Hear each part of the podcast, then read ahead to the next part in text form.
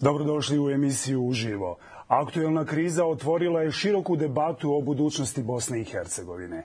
Politička pat pozicija jednima daje za pravo da zaključe kako ova zemlja mora krenuti iz početka. I to s potpuno novim ustavno-pravnim uređenjem. Drugima da je razlaz najbolje rješenje, a trećima da će ulaskom u Evropsku uniju preko noći svi problemi nestati. Opozicija tvrdi da su vladajuće stranke već dogovorile konačnu podjelu Bosne i Hercegovine na nacionalne države, Srpsku, Hrvatsku i Bošnju, bošnjačku, ali da je samo problem kako to predstaviti narodu. Umeđu vremenu Evropska unija poručuje ni unitarizam, ni separatizam, nego federalizam.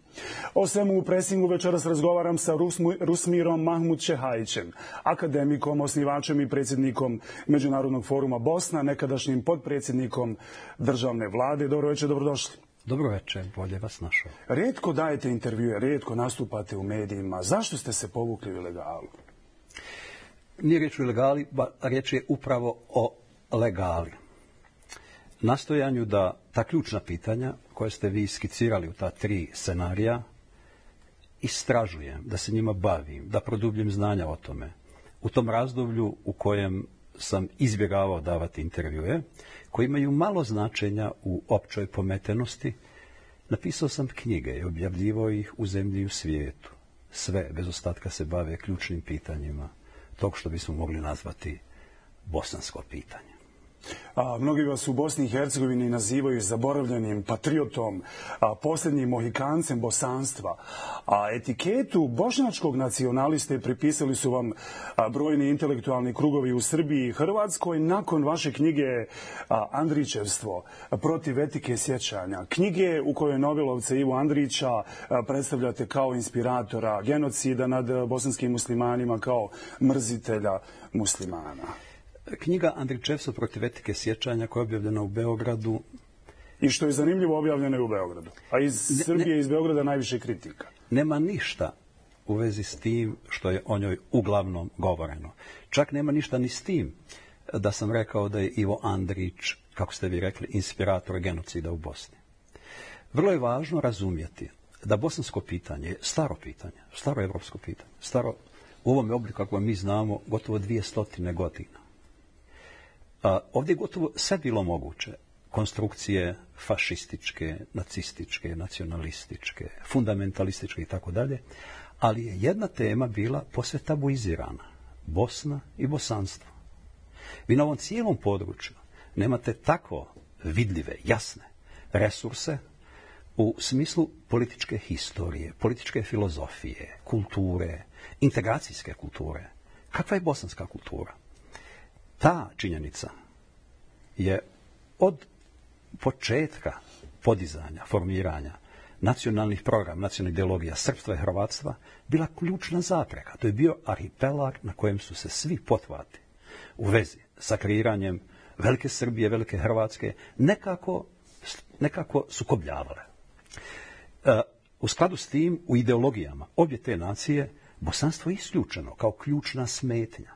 Proizveden, na, nastala je kultura antibosanstva u kojoj su gotovo sve što se tiče umjetnosti korišteno za politiku. Umjetnost je politizirana, politika je estetizirana. Dobro, te, te kategorije su svojstvene, znate, za sve totalitarne poglede svijeta. Moja no, knjiga se bavi tim pitanjem. Ok, pričat ćemo o vašoj knjizi, naravno, u nastavku emisije, no prije svega da razvišimo ovu dilemu. S jedne strane, a, zaboravljeni bosanski patriota, posljednji mohikanac bosanstva, s druge strane, bošnjački nacionalista. Jeste li vi bosanski ili bošnjački nacionalista? Dragi moj, gospodine Zukiću, da vam dao tačan odgovor i kratak odgovor oko toga. Vadilo bi se ovdje upitati šta zapravo mi danas razumijevamo pod Bosnom, poslanstvom i bošnjaštvom. To, to su danas ameba riječi pod, u koje trpaju svi, sve hulje, šta hoće i šta im treba. I vrlo malo intelektualnih potvata da se one vrate u to izvorno stanje. Vidite, Bosna je dugotrajni, veliki potvata plural, religijski pluralnog društva, koji u moderno doba ušao bez odgovarajućih rješenja u političkim ideologijama i tako dalje. Ušao je kao problem političkih ideologija. Bosanstvo je zapravo onaj oblik kulture individualnog pripadanja u kojem se upravo ta činjenica o Bosni, kao pluralnom društvu, zemlja u kojoj imate različite religije, različita iskustva kulturna i tako dalje, smatraju raskošnim pologom za budućnost. Na drugoj strani, kroz čitavu historiju, Bos, bosanstvo i bošnjaštvo su bili sinonimi. Mi u modernom dobu imamo pretvaranje bošnjaštva u očaju povlačenja u taj geto u drug čije ime za vjersko pripadanje. I tu nastaje problem. Prema tome, ako bi ja vama sad rekao, znate, da je moguće biti, zagovarati bilo koju vrstu bošnjaštva u sadašnjim ideologijskim parametrima, zadanostima i tako dalje, onda je to izdaja bosanstva. Pazite, bosanstvo je Znači, integralna slika društva, politike, države, ekonomije i tako dalje, jer u krajnjoj liniji, znate, socijalne pravde, slobode, jednakosti, demokratskog legitimiranja vlasti, to je bosanstvo koje mora otvoriti prostor za prava pojedinačnog čovjeka, kolektiva i tako dalje. Danas, ni ideja bošnjaštva, ni ideja bosanskog srstva, ni hrvatstva ne nudi nikakvu kako bismo rekli, optimističku budućnost onima na koje se pozivaju. Ne istim je odgovorili na ovo, bosanski ili bošnački nacionalista? Nacionalista nikako, zagovornik bosanstva kao velike ideje bosanstva i istraživanja svega što je u vezi s time. Srpski, hrvatski, bošnački nacionalizam. E, postoje li razlike među njima ili su sva ta tri nacionalizma podjednako opasna za Bosnu i Hercegovinu? Ta tri nacionalizma su u formama različiti. Dobro. u svojim historijama su različiti. Ali suština nacionalizama, sve jedno je, albanskog, bugarskog, srpskog, bošnjačkog, hrvatskog, mađarskog, je jedna te ista. To su moderne ideologije koje se temelje na postavci, na postavci da jedna elita može utjeloviti, utjeloviti narodni interes. Da je to opasna i razorna ideologija. Vi danas možete vidjeti po vome. Je li mislite da bošnjačka nacionalna elita ima ikakvu vezu s narodom o kome govori. Taj narod zapušten, ostavljen, prepušten, u očajnom stanju, znate. Od, od, od položaja djece pa do položaja staraca. O tome ta politika ne vodi brigu. Jer misle je nešto drugčije sa srpskim hrvatskim nacionalizmom, mađarskim. Nije, znate. Nacionalizam suštinski je težnja da se emocije jednog naroda, njegovi strahovi, uzdižu na što je moguće veću razinu i da se to zlupotrebljava za oligarhijski. Pitao sam vas za razlike između srpskog, hrvatskog i bošnjačkog nacionalizma s obzirom da većina bošnjaka misli zapravo da je njihov nacionalizam probosanski. Gledajte, to je jedna od varki koju promeču drugi i kojima se bošnjaci samo zavaravaju. Gledajte, istini za volju, Nikakvo bošnjaštvo bez bosanstva ne može imati smisao. Bošnjaštvo bez bosanstva, znači integralne slike Bosne, zemlje, kulture, historije i tako dalje, ono se mora stropoštati u autizam, u getoizam, u isključivanje drugih, u nužnost da drugi, u ovome slučaju oni s kojima dijelimo prostor, naše komšije, nam budu neprijatelji, odnosno bošnjaci nam budu neprijatelji, nama koji, koji, koji, koji smatramo da je to put u propast, tako ne može biti, prema tome oni su suštinski jednaki. Oni su antibosanski, suštinski su antibosanski, a to znači protiv temeljnih dalekočnih interesa naroda na koje se pozivaju ili naroda na koji se pozivaju. A šta je onda rješenje? Evo, ako ste protiv bošnjaštva, srpstva, hrvatstva, šta je onda rješenje za ovu zemlju? Gledajte, Naravno. Koji po ustavnom uređenju zapravo preferira se nacionalno određenje kao prevashodno, kao jedino bitno. Dobro. Vidite, stanje u kome se mi sad nalazimo, stanje u kome se mi nalazimo, znači nalaze se ljudi Bosne i Hercegovine, bosansko-hercegovački ljudi. Ono se čini svima užasnim. I sukud oko nas, ljudi koji postavljaju ista pitanja kao vi, s kojima možemo razgovarati, oni su prepadnuti, oni su u nekoj vrsti nesigurnosti i pometenosti. I kažu da nikad nije bilo gore. E, e sad gledajte, to je sad pitanje. Je li, je li ranije ikad bilo manje loše nego danas? Ako kažemo stanje je loše, je li ikad ranije bilo manje loše nego danas? Idemo redom, molim vas lijepo. Dakle, kontinuitet lošeg. Kontinuitet loše. Ali ljudi hoće Međutim, bolje. vidite, vidite, molim vas lijepo. Prvo, uzmimo ukratko, znate, 20. stoljeće. 1918. godine u svim oblicima Bosna, bosanstvo i bošnjaštvo nestaje. Ono je potpuno izbrisano. A svi oni, dio toga naroda, koji se opire po srbljivanju, po hrvačenju, je sveden na vjersku zajednicu. I to, oni koji vode tu zajednicu, odnosno taj narod sveden na vjersku zajednicu su okrutno korumpirani. Upravo iz tih veliko srpski i veliko hrvatski centar, uglavnom veliko hrvatski centara. Šta potom dolaze? Dolazi komunističko razdoblje u kojem ponovo je Bosna svedena samo na teritoriju, unutar kog nema bosanskog naroda, znate. Postoje Srbi i Hrvati, to izriču to kažu, ideolozi komunizma. Bosna je srpsko-hrvatska zemlja, tu žive dvije nacije i nema treće, tako dalje. Potom, kako to je očito da da nije moguće posrbiti i pohrvatiti bosanski narod, onda se on neprestano gura i svodi na tu svoju vjersku komponentu, na taj vjerski sadržaj. I mi smo svjedoci toga i tako smo odrastali. I sad gledajte, molim vas lijepo. Komunisti, jugoslavenski komunisti, pred nemogućnošću, nemogućnošću da riješe to pitanje onako kako su ga neprestano gurali, priznaju muslimansku naciju. Paradoks suštinski, jer jeste, tu je riječ o narodu, bosanskom narodu, koji se odupravo njegovom uništavanju njegovog bosanstva i ponovo sveden na njegove vjerske sadržaje. I danas imate težnju da se bošnjaštvo, bošnjaci svedu na vjersku zajednicu, na zapravo etno-religijsko pleme, bez političke svijesti, bez odgovornosti za svoju državu i na taj način se onemogući ovo što danas imamo. Mi danas prvi put u historiji prvi put u historiji, imamo suverenu državu u modernim kategorijama toga pojma. Naravno, ta država je, država je prepreka uh, ono što mrze nacionalisti. Ona je smetina. On, nju, e, pitanje njene izgradnje, pregradnje, dogradnje i tako da, to je pitanje bosanskih ljudi. Hoće li oni imati snage, umjeća, razboritosti, da tu državu izgrade. Da, godinama se govori kako Bosna i Hercegovina neće biti podijeljena sve dok se ne nađu bošnjaci koji će potpisati podijelu te zemlje. Tako je. E, recite mi ovo, molim vas. U prošloj emisiji Pressing akademik Ferid Muhić je, čini mi se, prvi javno rekao da je bošnjačka država, bošnjačka filđan država, neki bošnjakistan, zaista moguć na prostoru Bosne i Hercegovine da bi čak bio uspješan. Pratio sam komentare posle te emisije i imam osjećaj da je mnogima to zvučalo prihvatljivo i da je profesor Muhić rekao ono zapravo što mnogi misle, uključujući i političari. Nažalost, takva tvrdnja je istovjetna s onim što su govorili Milošević i Tuđman, Boban i Karadžić. Neprestano, u nizu razgovora dostupnih javnosti, izvan javnosti, muslimani su gurani na odustajanje od svoje države Bosne, Bosne i Hercegovine, na uzimanje koma teritorije, a zapravo ideja je bila uništenja njihovoj, njihovog mogućeg političkog subjektiviteta. I sad gledajte, e, to, to guranje, znači Bošnjaka, nemojte misliti da je išlo samo tim topovima oko Sarajeva, pa, procesima genocida, izgona, ubijanja i tako dalje. Čega ste bili svjedoci? Išlo je i drugim metodama propagande, potkupljivanja, laganja, o, onesvješćivanja tog naroda. Znate kad kaže ovaj mladić, razvucite im pamet. Bošnjačka pamet je razvučena pamet. Ona se nije konstituirala u mišljenje o sebi, tako dalje. Većina tih ljudi su epigoni tuđih, tuđeg mišljenja. Kako bi to bilo moguće? Ima da li je moguće svijet? ta bošnjačka država? Pa, šta vi mislite? Gledajte.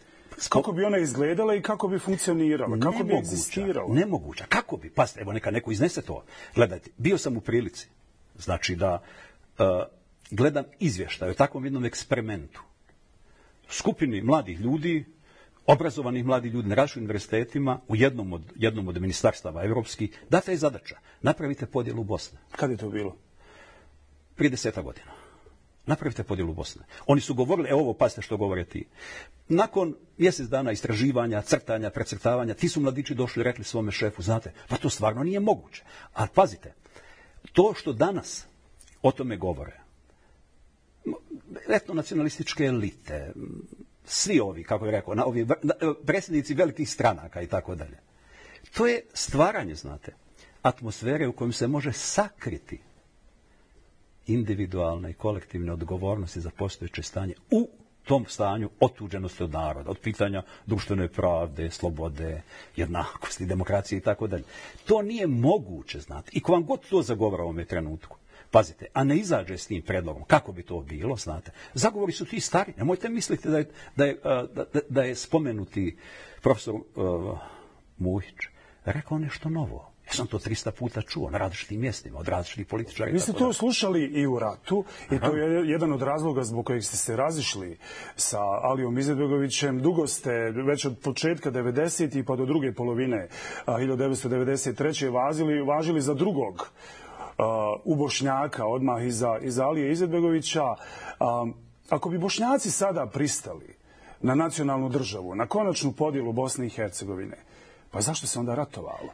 Pa, zašto su onda ljudi izginuli noseći na usnama ime cjelovite, suverene, nezavisne Bosne i Hercegovine? Gledajte, to je nema nikakve dvojbe za mene, nema nikakve dvojbe. Uh, I opet, na temelju višegodišnjih istraživanja, u svim perspektivama. Znate, istraživanje pretpostavlja da imate i pozitivnu i negativnu hipotezu, da ono što zagovarate dovedete u pitanje i tako dalje. To je put u propast bošnjačkog naroda. Neusporno, to je put u provaliju. Bošnjački narod može osigurati svoju budućnost. Taj bošnjački narod koji, unutar kog su potrebne brojne rekonstrukcije samorazumijevanja, seberazumijevanja, odnosa prema svijetu, e, pokopavanja, kako bi rekao, iluzija o lažnim prijateljima, o lažnim neprijateljima i tako dalje. Pretvaranja tog naroda koji danas jeste, znate. Bosanski narod je danas, nema nikakve dvojbe, svjetska kategorija. Kad kažete bosanski narod, evo da to razjasnimo, šta pod tim mislite? Sav bosanski Šta je bosanski narod? Sav bosanski narod. Onaj narod koji, pazite... Jer to na... uključuje i Hercegovce. Zanimljivo je da vi kao Hercegovac stalno govorite Bosna, to je Bosanstvo, onaj narod Bosanci. koji na, na svakoj granici pokazuje pasoš svoje države. To uključuje i, koji... i Hercegovice. Pazite, naravno, to je veliko pitanje. Ovo, veliko je pitanje. Nisam siguran da 55 minuta za tako veliko pitanje bismo trebali pa trošiti. A imamo puno toga. Vidite, Hercegovina je historijski, kulturno, narodnosno i tako dalje. E, pokrajina, pokrajina onog što bismo u historijskom pogledu nazvali bosanskom kulturnom cjelovitošću. To ime, koje je nesretno nametnuto u 19. stoljeću, u sebi nosi težnju da se ta cjelovitost onemogući. Na, da vam navedem jedan primjer. Vi znate, mi smo učili u školi da je hercegovački govor jezgra srpskog govora, najljepši njegov dio i tako dalje. Dobro pazite. Zašto je zapravo hercegovački govor kada prvi spomen pojma Hercegovine imate, to je 15. stoljeć, srednja 15. stoljeća, a govori se o narodima ili trajanjima puno većeg, većeg obuhvata. Zato da se relativizira Bosna, bosansko i bosanstvo i vi ćete naći da najznačajniji zagovornici ideje Bosne, bosanskog i tako dalje, jesu upravo iz tih krajeva te zemlje. Prema tome, realnost politička, gledajte, realnost politička i današnja jeste postanje Hercegovine, ali riječ je o kraju Bosne koji je jednak kao i Senderija, kao i Krajina, kao Usora i tako dalje, suštinski. Zašto bismo u ovome trenutku, znate, mi u Hrvatskoj, koja je bila organizirana kao to jedina kaljevina, Slavonija, Hrvatska, Dalmacija, pa Dubrovnik i tako dalje. I sad zamislite mi da neprestavno insistiramo, znate, Slavonija je Hrvatska. Hrvatska i Dubrovnik, Dalmacija i Slavonija i tako dalje i tako dalje. Valjalo bi, znate, s punim pravom se osloboditi od tog tabua bosanstva. Jest. Je li ovo doista... znači, oprostite, da vi sugerirate da Bosna i Hercegovina promijeni svoje ime u Bosna? Gledajte, njeno historijsko ime je takvo, znate. Ja ne sugeriram ništa što se, pazite, svaka promjena tog imena podrazumijeva neku vrstu dogovora, neku vrstu konsenzusa, ali prevara u vezi s tim, integralnim bosanstvom, bosanstvom koje pripada svim tim ljudima, prevara, istorijska prevara, ko, iza koje stoje i brojna nasilja i tako dalje, ona sastoji u tome, znate. Zar vi mislite da neki, da bilo ko osvješće o svom pripadanju iz Trebinja, Stovca, Ljubinja i tako dalje, nije bosanac iz Hercegovine. Svaki Hercegovac je bosanac, ali nije svaki bosanac i Hercegovac. No? to, zašto, gledajte, zašto vi kažete objasnili? da je na sceni kultura anesteziranja bosanskog političkog naroda? I vidite li vi uopće među 183 političke stranke u ovoj zemlji i jednu koja je bosanska? Vidite, 183 E, vrlo je teško reći da sam ja istraživao, znate, e, programe, zagovore svih tih stranaka. Ali jesam istraživao, istražujem svakodnevno i bavim se tim. To je ono što je, znate, moj život, kako bih rekao. E, velike stranke, i za svaku od njih ja mogu iznijeti sad čitavu anatomiju, znate, i od, od nastajanja pa do njihovog zagovora. Bosansko pitanje, bosansko političko pitanje, političko pitanje, bosanski politički narod, to je osvješćen narod, politički osvješćen narod. Razlika između naroda i nacije jeste, narod ne mora biti, znate, politički osvješćen. Imate narode koje nema nikakvu svijest o sebi, znate. Ali, bosanski narod koji transcendira naše religijske razlike, pa čak i naša ova iskustva, znate, etno-nacionalna i tako dalje, bosanski narod ima sve pretpostavke u svojoj historiji, u historiji svoje politike, u historiji svoje kulture i tako dalje, za političko osvješćenje na način da bosanska država se smatra i afirmira kao najznačajnije jamstvo naše prisutnosti na svjetskoj pozornici. Drugčije te prisutnosti nema. Da ste vi, profesore, svjesni da ste potpuno usamljeni, evo ja vas pazljivo slušam, da ste potpuno usamljeni u toj priči. Ne, gledajte, u nisam potpuno usamljen. Pokazite. Naravno, vidite... Bar ja, ja, ja, niko ne zagovara taj možete, koncept o kojem vi, vi, možete, vi sada pričate. A šta, a šta postojeća bosanska politika Pa svi su zagovara? nalegli na priču bošnjačko, srpsko, hrvatsko. A, zašto? Bosanaca zašto? je jako malo na zadnjem popisu su se ljudi kao da su se plašili izjasniti kao bosanci. Vidite, gledajte, ja ne znam koliko se ljudi na zadnjem popisu izjasnilo kao bosanci. Vrlo malo. Ja to 2, ne znam. Kako su ih u tome u obradi tih podataka tretirali i tako dalje? Međutim, nije problem u tome. Ja vama govorim, znate, kao politički mislilac. Govorim vam kao čovjek koji je objavio značajna dijela u svijetu iz područja političke filozofije ili filozofije religije. Nije uopće bitno koliko ljudi zagovara neku ideju, koliko o njoj zna, ali ovo je jedina ideja koja može osigurati budućnost narodu ove zemlje, političku odgovornost u bilo kojoj vrsti konstitucije ove zemlje. Ostalo je, znate, ostalo je. Težnja da se bosanski narod sve jedno, znate. Identificirali su on danas kao srpski, hrvatski, bošnjački, romski, jevrejski i tako dalje. Da se zapravo vidi kao politički osvješćen narod. Kako to jeste u svijetu? Zamislite vi danas, zamislite danas, recimo Ameriku ili zamislite Francusku, u kojoj bi isti proces getoizacije, pazite, u Francuskoj živi uh, Afrikanaca, različitih etničkih porijekala, gotovo koliko naroda u ukupnoj Bosni. Zamislite da sad oni tamo definiraju eto to što ste vi sad rekli. Etnicizaciju svoje politike, u getoiziranju unutar Francuske ili zamislite to u Njemačkoj, ne znam, sa s Turcima, Poljacima i tako dalje i tako dalje. To je u svim dijelovima svijeta put u propast. E zašto vi sad kažete ljudi stoje na tvojim pozicijama, na tim pozicijama? Pa bosanstvo je bilo tabuizirana tema. Ovo što vi ja večeras govorimo, znate, od 18. godine, pa gotovo od ovog doba, svi administrativni mehanizmi, moći i tako dalje, su priječile govor o tome. Bosanstvo je bilo prokazano. Bilo vam je, eh, manji ste bili ovaj, upirani prstom. Kao recimo, čovjek religijskog ludila. Ili recimo, čovjek nacionalist hrvatski, srpski. Kako se ranije govorilo, muslimanski. Nego zagovornik bosanstva. Znate. Bosanstvo je prokazano, jer ono antibosanstvo, koje je dio i antimuslimanstvo, je integralni dio velikosrpske i velihorvatske ideologije, ideologijskog odnosa prema Bosni. Prema tome, naravno, ja vam tvrdim, te ideologije su i antisrpske, i antihrvatske. One, ni srpskom, ni hrvatskom narodu, kroz cijelu 20. stoljeća nisu donijeli ništa dobro. Ako jesu, pokažite mi. Može li neko to pokazati? Ne može, znate. Ovdje je pitanje, pitanje prije svega, uh, društvene pravde, koje obuhvaća ljude kod takve, a ne znate kao Rome, Jevreje, Bošnjake i tako da. Stano se govori o rješavanju hrvatskog nacionalnog pitanja, srpskog, bošnjačkog.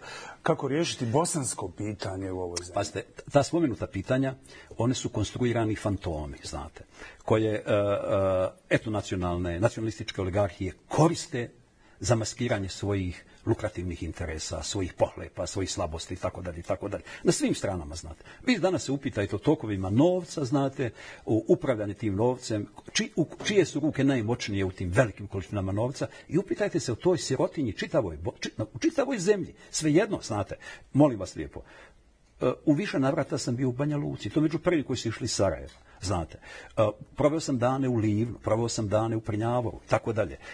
Nije nikome tamo ni mogao ni primijetiti ko tako. Znam situaciju u našoj zemlji. To je pitanje sirotinje kojoj lažu te oligarhije. To je zapušteni svijet. To je svijet prema kojem niko nema odgovornosti. Kojega koriste, znate, ko što se koristi djevojka bez braće i roditelja i kuće. Znate. To, je, to je takva politička bestidnost, znate. I zapravo tim ljudima koji to rade, znate, treba poslati, treba, te, te, njih treba upitati. Misle li oni da svojoj djeci na taj način mogu donijeti išta? Mo, misle li oni da taj novac koji tako skupljaju, s kojim upravljaju, može donijeti njima, njihovoj djeci, išta. Ne može. Ali evo, podrškom nacionalnim strankama na izborima pokazuju da nemaju ništa protiv da to nacionalno zapravo bude glavno ispred rješavanja tog siromaštva i svih ostalih problema. E, vi kažete govore. Nikada niko tih ljudi nije iznio cjelovit, uvjerljiv program kojim to pravda. To su samo, pazite, sentimentalističke retorike, kojima su ljudi varani. Ako ti ljudi govore, vidite, vi danas imate, molim vas lijepo, u Livnu, gotovo vlast, potpunu vlast HDZ-a. Imate u Sarajevu gotovo potpunu vlast SDA. Kako biste opravdali to stanje nereda, nesigurnosti, uh, zapuštenoga grada, bez perspektivnosti, obrazovanja koje je potpuno dezorijentirano, znate, tokova novca, odgovor, kako biste obra... Prema tome, to je govori, ja vam, to je odvraćanje pažnje od ključni politički, društveno ekonomskih problema ove zemlje. I to sve jedno, je li to u Zvorniku, Trebinju, znate, Zenici. A šta su ključni problemi? Evo, rekli smo u uvodu emisije nekoliko varijanti za budućnost Bosne i Hercegovine. Šta vi mislite da je rješenje? Pazite, vi ste iznijeli vi ste iznijeli ne unitarizam, ne separatizam, nego federalizam, tako kažu, Dobro. iz Evropske unije. Te su tri varijante. Lokalni da. ovdje imaju razne varijante za budućnost. A vi? Vidite, prvo, političko osvješćenje i to u nekompromisnom preispitivanju postojećeg stanja ovdje, znate, isključiti, znate, svaki prazni autoritet bilo u politici, bilo u kulturi, bilo u nauci. Vi danas imate potpuno krivu, krivo vrednovanje toga što mi smatramo autoritetima u društvenom, društvenom životu ukupno. A, e, društvene kritike nema. Nemate, pazite, nemate slobodnih medija u Bosni. Ili imate vrlo malo na margini, tako dalje. Vi sad kad govorite, a, e, kad govorite o tom zašto vas nema u medijima, Naravno, ja, ja mogu reći, znate, vrlo strogo biram s kim ću razgovarati oko toga, ali znam bosanske medije, svi od njih su u funkciji nekog vrlo uskog interesa. I moraju to maskirati često na način, znate, oblagivanjem javnosti, podizanjem, znate, na razinu autoriteta ljudi koji ne mogu biti autoriteti, znate, proglašavanjem u novinama, znate, akademskih veličina koje, znate, stavite, otiđite na, ne znam, akademik Google, Google akademik ili tako, i na bilo koju bazu podak vidjet ćete kako živimo u svijetu ogromnih laži. E pazite, te laži ne mogu osigurati budućnost ni bošnjacima, ni srbima, ni hrvatima i tako dalje. Krive vrijednosti. Sada kad ste vi rekli, pr znači prvi scenario je vraćanje svega ovdje, znate, na pozornicu javnog raspravljanja na pozornicu go otvorenog govorenja o svemu. Dobre. To pretpostavlja akademsku odvažnost, znate, intelektualnu odvažnost. Bez toga ne može se doći do tog što bismo nazvali bosanska misao ili bosansko rješenje. Gledajte, izvoženje tog problema u problem sa integraciju u Evropsku uniju? Jest, to je sekundarno pitanje. A, pokušaj je da se u toj agoniji u kojoj sad nalazi ovo društvo i zemlja nađe rješenje u podjelama. Pazite, podjele su bile nametane topovima, tenkovima, srbijanskom vojskom, hrvatskom vojskom u Bosni. Pa nije uspjelo, znate, to ne ide. Ko bi to danas, znate, ja sam duboko uvjeren i dalje, većini mogu nametnuti, znate, raspad Bosne, podjelu Bosne. Uh, to neki hoće, jer bi time nastala neka vrsta emirata u kojima bi skupina ljudi. Emirata, ne znam šta kako emirata. Kneževina, znate, ne znam, banovina i tako dalje. U kojima bi oligarhije bile zaštićene od svoje odgovornosti. Odgovornosti u tom, kako bi rekao, nužnosti, stalnog preispitivanja i napređenja društvene pravde, slobode, jednakosti, tako dalje. Na taj bi način zaštitili to što su nezakonito postigli što imaju.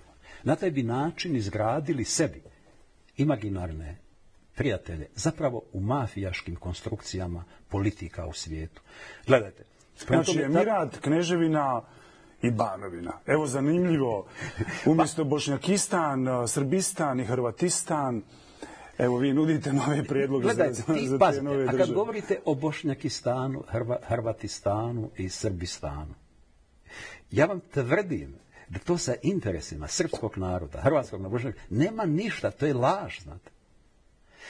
Interes naroda ovdje, znate, da u, dru, društvu, u društvu pravde, u, u društvu slobode, u društvu jednakosti, tako živi, on mora nadići tu vrstu podjela. One su legitimne, znate, pravo svakog od nas je, e, i to neizbježno pravo, da budemo šta hoćemo, da se o tom izjašnjamo ili ne izjašnjavamo, da to ako se izjašnjamo činimo s ponosom, ali nas to ne privilegira, znate, ni u kom pogledu. Znate, onaj pasoš s kojim dolazimo na granicu naše države, on nas čini ljudima.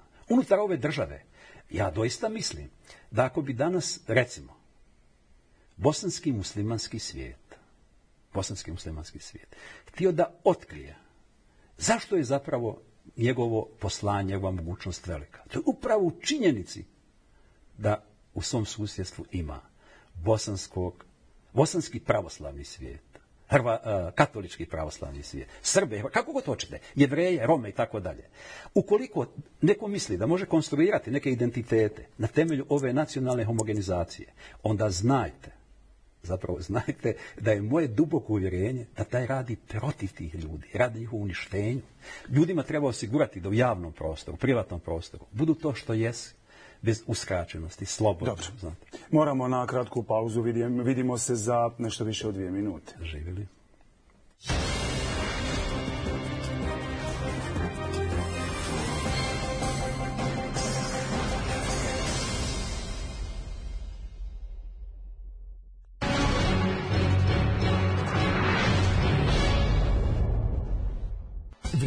za akciju Hyundai Tucson Navi Edition sa 10% popusta plus poklon bonus. Količina vozila je ograničena. Hyundai. Smanjuj kalorije. Uživaj u dobrim rezultatima. Jedi fit. Budi fit. Glas. Pouzdano rješenje svih oftalmoloških problema po najvišim svjetskim standardima. Hyundai. Oči u oči sa svijetom. Sveti vid. Specijalna bolnica.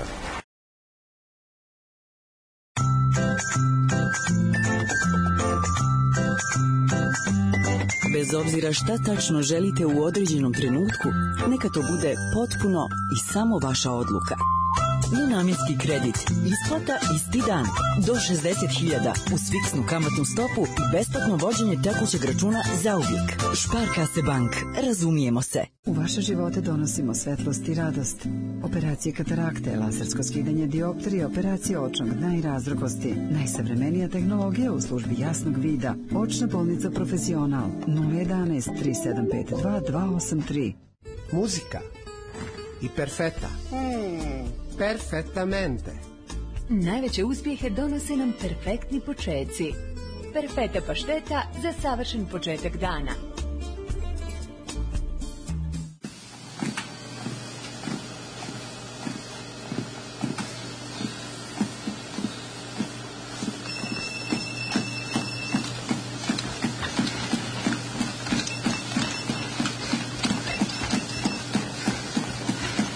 Jesi ti dobro?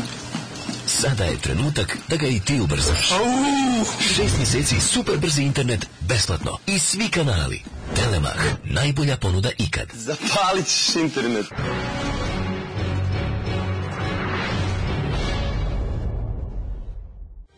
Ja sam Naida Kundurović i gledajte me svakog utorka veče sa početkom u 21.30 u Impulsu samo na N1. N1.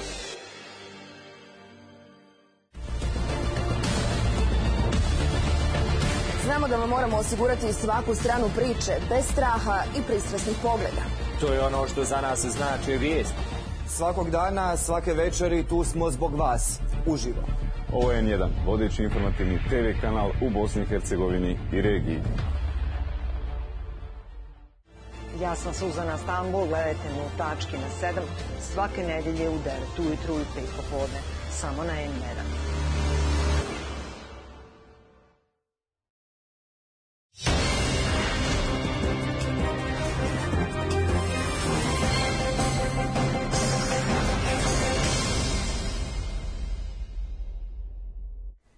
vas nazad u presingu, akademik, predsjednik Međunarodnog foruma Bosna, Rusmir Mahmud Čehajić. Večeras s nama vi ste, rekao sam već u prvom dijelu, um, početkom 90-ih pa sve do drugog dijela 93. važili za drugu ličnost po hijerarhiji među bosansko-hercegovačkim muslimanima. Tada ste se razišli sa Alijom Izetbegovićem i SDA. Zašto? I da li to ima veze sa da vašim današnjim stavovima o Bosni i Hercegovini kao zemlji koja mora biti cjelovita bez nacionalnih država? Suverena. Godine o kojima govorite su godine općeg očaja, patnje, stradanja, razaranja, prijetnje i tako dalje. U takvim okolnostima, pometnje, znate, topovi oko Sarajeva, mrtvi na svakome koraku, uh, progoni, silovanja, uništavanja zemlje i tako dalje. Nije baš jednostavno sačuvati razbora. Nije jednostavno donositi odluke u takvim okolnostima. Moje mišljenje bilo tada da nametana rješenja o etničkoj podjeli Bosne o kreiranju komada zemlje za muslimane, što je bio temeljni stav, kao što sam rekao, Miloševića, Tuđmana, Bobana, Karadžića i naravno neki njihovi saveznika u svijetu. Ja sam smatrao da prihvatanje toga u najtežim okolnostima jeste put u propast, put u potpunu propast. Naravno, smatrao sam da prihvatanje takvog rješenja neće čak ni smanjiti broj ubijenih, stradali i tako dalje Naravno, moglo se reći ovako. Opravdano je sve žrtovati da bi spasli ljudske živote. Ja tako mislim. Ali žrtovanje Bosne kao države, kao najboljeg sredstva i zapravo jedinog mom viđenju sredstva za osiguranje prava bosanskih ljudi je bilo žrtovanje tih ljudi. Ne tog sredstva, nego tih ljudi, znate. U tim okolnostima, e, budući da je to bila moja pozicija, budući da uh, je politički vrh, odnosno Alija Izadverović, bio tako snažno pritisnut na to da je pristao. Ja sam smatrao i rekao sam u tom jednom posljednjih razgovora, kad bi bio posljednji čovjek na ulici i prosio svoj komad ljeba, na tu vrstu rješenja ne mogu pristati, neću pristati, ne zato, znate, što ja mislim da Ni zašto drugo, nego zato što mislim da je to put u propast, da to nije rješenje, da je to lažno rješenje. Međutim, ta ideja, pazite, da se bosanski narod, onaj bosanski narod koji se ne može posrbiti i pa pohrabatiti, odvoji od države, da se svede na geto, da se svede na vjersku zajednicu, ona je stara ideja. I ona se i danas, kao što vidite, vaskrsava, rekli bi naši susjeti, ponovo, znate. Ali to je dio pometnje, to je dio nesvatanja, to je nedostatak razgovora, to je dio nasljeđivanja, ovo kako bismo rekli, vlasti partijskih odlučivanja elita. Vidite li da vi ste... među, među bošnjačkim liderima danas u Sarajevu spremnost da pristanu eto, na to a, protiv čega ste vi bili uh, 93.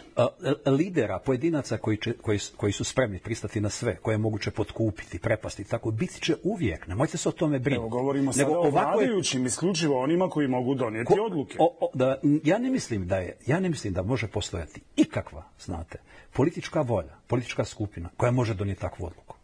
Pazite, odluka bi značila uništenje bosanske države, bosansko-hercegovačke države, međunarodno priznatog subjekta, za račun čega? za račun nekog malog oligarhijskog interesa. E sad, da li je dovoljno da bošnjaci o kojim sada govorimo žele Bosnu i Hercegovinu i da ona obstane? O, o, naravno, to, da bošnjaci... Jer stalno dolaze kritike od predstavnika Srba i Hrvata da bošnjaci žal, zapravo pod pričom o građanskoj Bosni i Hercegovini žele vladati cijelom ovom zemljom.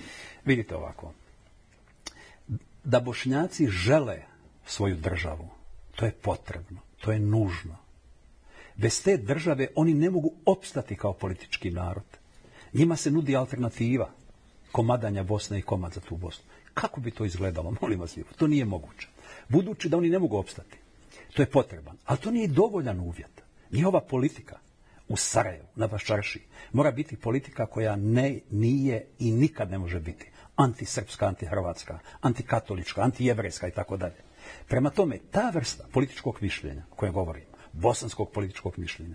Koja je potrebnija od zraka i vode bosanskom narodu, pa tako i bošnjačkom? Zagovornici, zagovornici tih a, nacionalnih mini država, evo u ovom slučaju bošnjačke, a, poručuju zapravo da bi bošnjaci tako grupisani a, spriječili neki a, naredni genocid i da je Bosna svakako država fantom.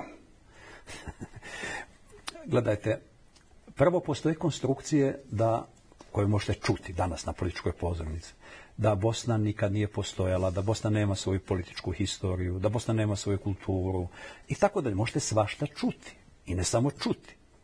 Imali ste, znate, pojačavanje ili sviraku topova, mitraljeza, znate, granata uz, uz te tvrdnje, znate. Prema tome, da se čita posao završi, potrebno je injektirati u bošnjačko mišljenje upravo to da nije moguće. Pa to zapravo hoće razaratelji Bosne. Od samoga početka. Kad je ona razorena 1918. godine, potpuno eliminirana. Nemojte zaboraviti da veliko srpski centri su velikim parama kupovali saradnju takozvane muslimanskih političkih oligarhija.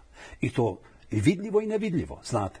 Jednom od tih ljudi, znate, koje sam istraživao, jedan ugledni čovjek, čestiti čovjek ovdje, uh, njemu je 939. godine u razgovoru četiri roka, on u svojim neobjavljenim memoarima to kaže, nuđeno. Šta zineš, dobit ćeš. Katedru u Beogradu, mjesto, novac i tako dalje. Samo neka to ne bude u Sarajevu, to što je sad spremalo se. Vi mislite da danas ne postoje takva, takve vrste djelovanja? Ivo Banac nedavno kaže, mm -hmm. problem ovoga područja je rek konstituiranje ili dekonstruiranje velikosrpske nacionalne politike. Ona je antisrpska. Ona bosanskim srma ne donosi ništa novo. Vi danas imate uh, Ako slučaj Kako ne dolazi, ne donosi ništa novo kad e, se kaže da će Republika Srpska u tom slučaju postati dio te Velike Srbije. I mislite da je to, pa ona ne može postati dio Velike Srbije kada je to teritorija Bosne, historijska bosanske države i tako dalje. Mora se na taj način razoriti jedan pravni subjektivitet, pa se zato traže ili potkupljuju, prepadaju i tako dalje, kolaboracionisti unutar tog bošnjačkog pometenog tijela za to. Pa, je li srpsko-bošnjački dialog, kako kaže premijer Srbije i kandidat za novog predsjednika te zemlje, Aleksandar Vučić, zapravo put za rješavanje problema u regiji? On kaže da su e, bošnjačko-srpski odnosi najvažniji za dugotrajan mir i stabilnost u regiji. Kada god to Aleksandar Vučić kaže, znate, osobno se osjećam poniženi, jer najveći broj ljudi s kojim razgovaram ne vidi u tome malignu prevaru najgore vrste negativnog odnosa prema Bosni. Pazite, Bošnjaci nisu pleme koje ima svoga poglavicu i svog episkopa da bi s nekim drugim plemenom moglo razgovarati. Kada to govori Vučić, on govori kao premijer jedne suverene države, Srbije, Republike Srbije. Arhitektura i odnosi među narodima u Evropi ili u svijetu se ne temelji na odnosima među narodima koji nisu plemena. Bošnjački narod je dio političkog bosanskog naroda sa parlamentom, vladom, predsjedništvom i tako dalje. Upravo to institucije državne smetaju u Vučiću i on želi izvući različitim načinom, obećavanjima, prevarama i tako dalje, izvući bošnjački narod iz njegove državotvorne situacije, pretvoriti ga u pleme, kako bi, recite mi, molim vas lijepo, kako bi bošnjaci i srbi mogli razgovarati. Evo ideja je da se kako? okupe kako? akademski, vjerski, ko, politički ko predstavnici ih, i da razgovaraju. Ko će ih okupiti? Kako? Oni mora imati onda poglavicu svoga. Kako će ih okupiti? Kako? Mi imamo državu, imamo njen parlament i unutar tog parlamenta te države, Srbi, Hrvati, Bošnjaci, ateisti, teisti, Mogu razgovarati sto godina o svojim pitanjima. Upravo vas je u istoj ovoj emisiji, u istom ovom studiju, a, kada je bio gost a, sa Bakirom Izetbegovićem, Aleksandar Vučić a, optužio na neki način da ste problem a, tom srpsko-bošnjačkom dialogu, prije svega zbog knjige koju sam pomenuo na početku emisije, Andrićevstvo.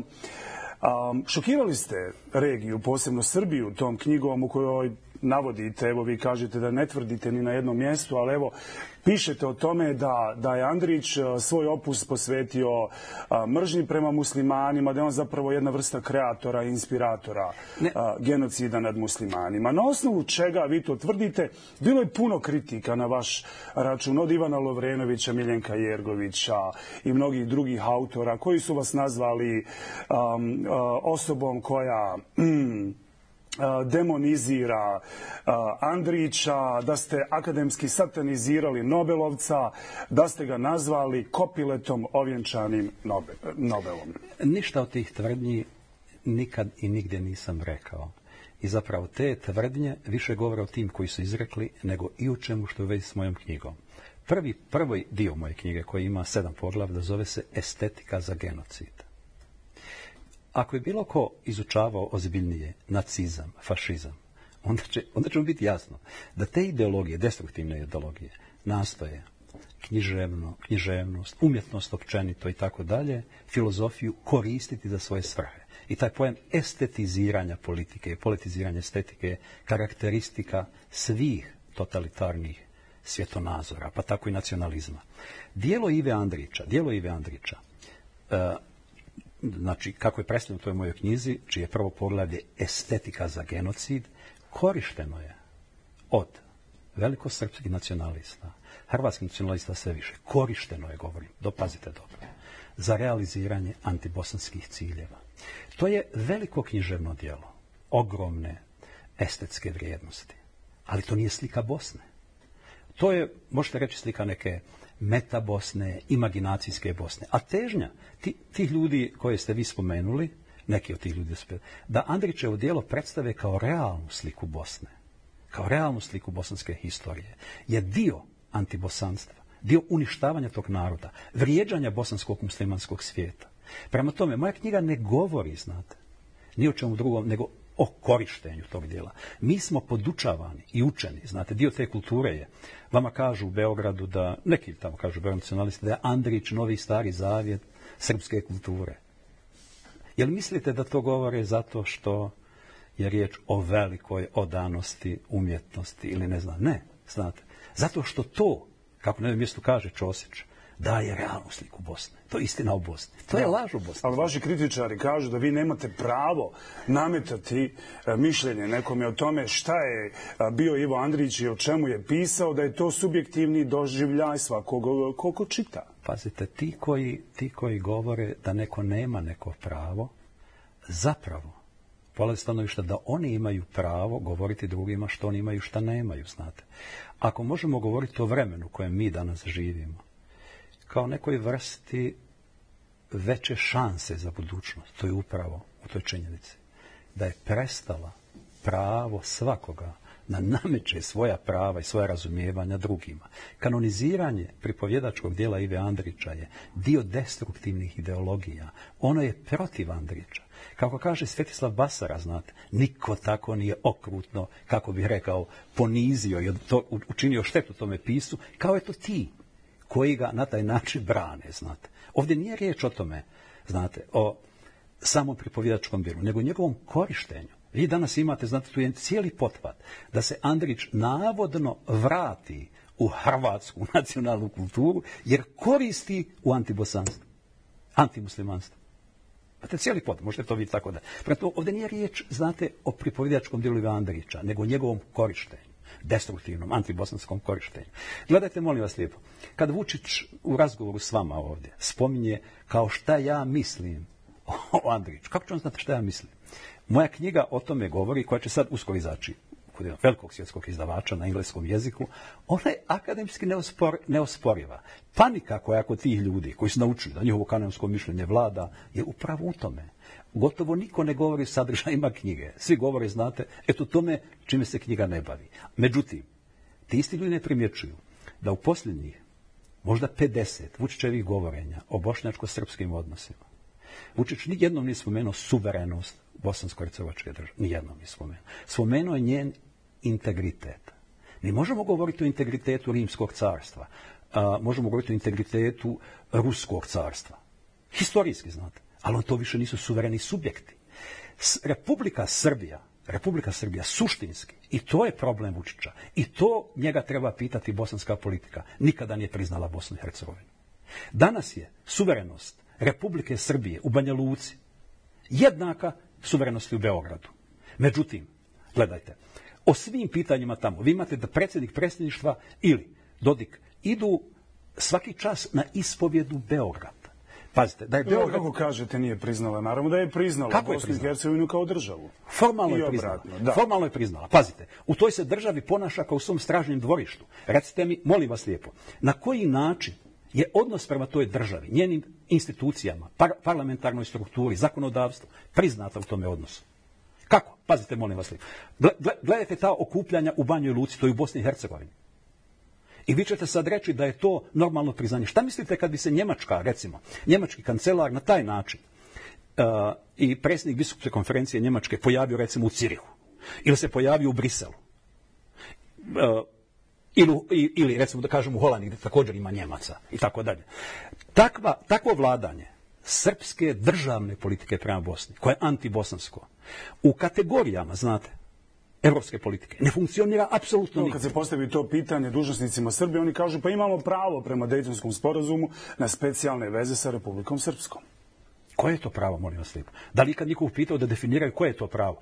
Pravo Pravo da... na specijalne i paralelne veze. Kako su te specijalne i paralelne veze određene? Specijalne i paralelne veze su nastale, znate, u okviru tvrdnje o mirovnom dogovoru u kojem je Srbija bila direktno uključena, znate, prema presudama Međunarodnog suda. Prema tome, riječ o paralelnim specijalnim vezama je zlopotrebdavana, kao što je zlopotrebdavana... E, upravo je taj Međunarodni e, sud pravde, um, odnosno zahtjev za reviziju presude tog suda, uh, koji je podnijela Bosna i Hercegovina nedavno, eto, ispostavilo se da je odbijen... Um, izazvao žestoke reakcije u Srbiji i u Republici Srpskoj i tvrdnje da je to krah pomirenja i povjerenja. Kako ste vi to sve doživjeli, molim vas kratko, pošto smo pri kraju emisije, i koliko je generalno taj Međunarodni sud pravde, ali i Haški tribunal za ratne zločine u bivšoj Jugoslaviji, koliko su generalno doprinijeli pomirenju, povjerenju ili čak odmogli tom procesu? Ne, ne. Vidite, svako suđenje za svako suđenje može reći da nekada može biti apsolutno pravilno, ali svako suđenje o ovim procesima koji su bili u Bosni nakon posljednje krata ima, ima svojstvo prvenstva. Prije nismo imali takva suđenja. Prije ste u Bosni mogli napraviti genocid, znate, ispuniti drinu leševima i za, nakon toga niko nije odgovarao. S poredak poreda koji nije odgovarao. Prema tome, oba ova suda, Haška, sve što su oni učinili, to je ogroman doprinos za Bosnu. Pazite, mi kao subjekti znate, tih zahtjeva, bili smo tu šeprtljavi. Ne, ne čekajte mi. Ti ljudi koji su bili zato, bili su šeprtljavi. Gledajte, činjenicom da je da, da taj zahtjev za reviziju nije prihvaćen. To uopće ne znači da znate predmet, biće krivičnog djela. Ne postoji. Znate, a, jel iko danas može ozbiljan misliti, ako neće lagati, ako neće osporavati i tako dalje da je u Bosni se dogodio genocid. Ne može. Međunarodni sud pravde je to potvrdio. pa potvrdio. Moje naredno pitanje da li je otklonjena opasnost od novog genocida u ovoj zemlji? Vidite, genocid se uvijek događao kada ni genocid se događao. Pazite, genocid do... za, za, četiri su predvite za genocid.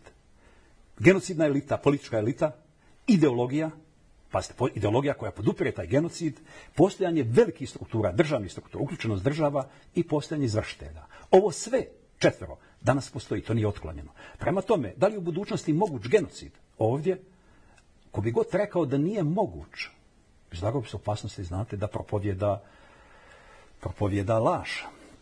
Ali, da li će do njega doći? Šta, koji je oblik njegove zaštite? Jeste suverena bosanska država.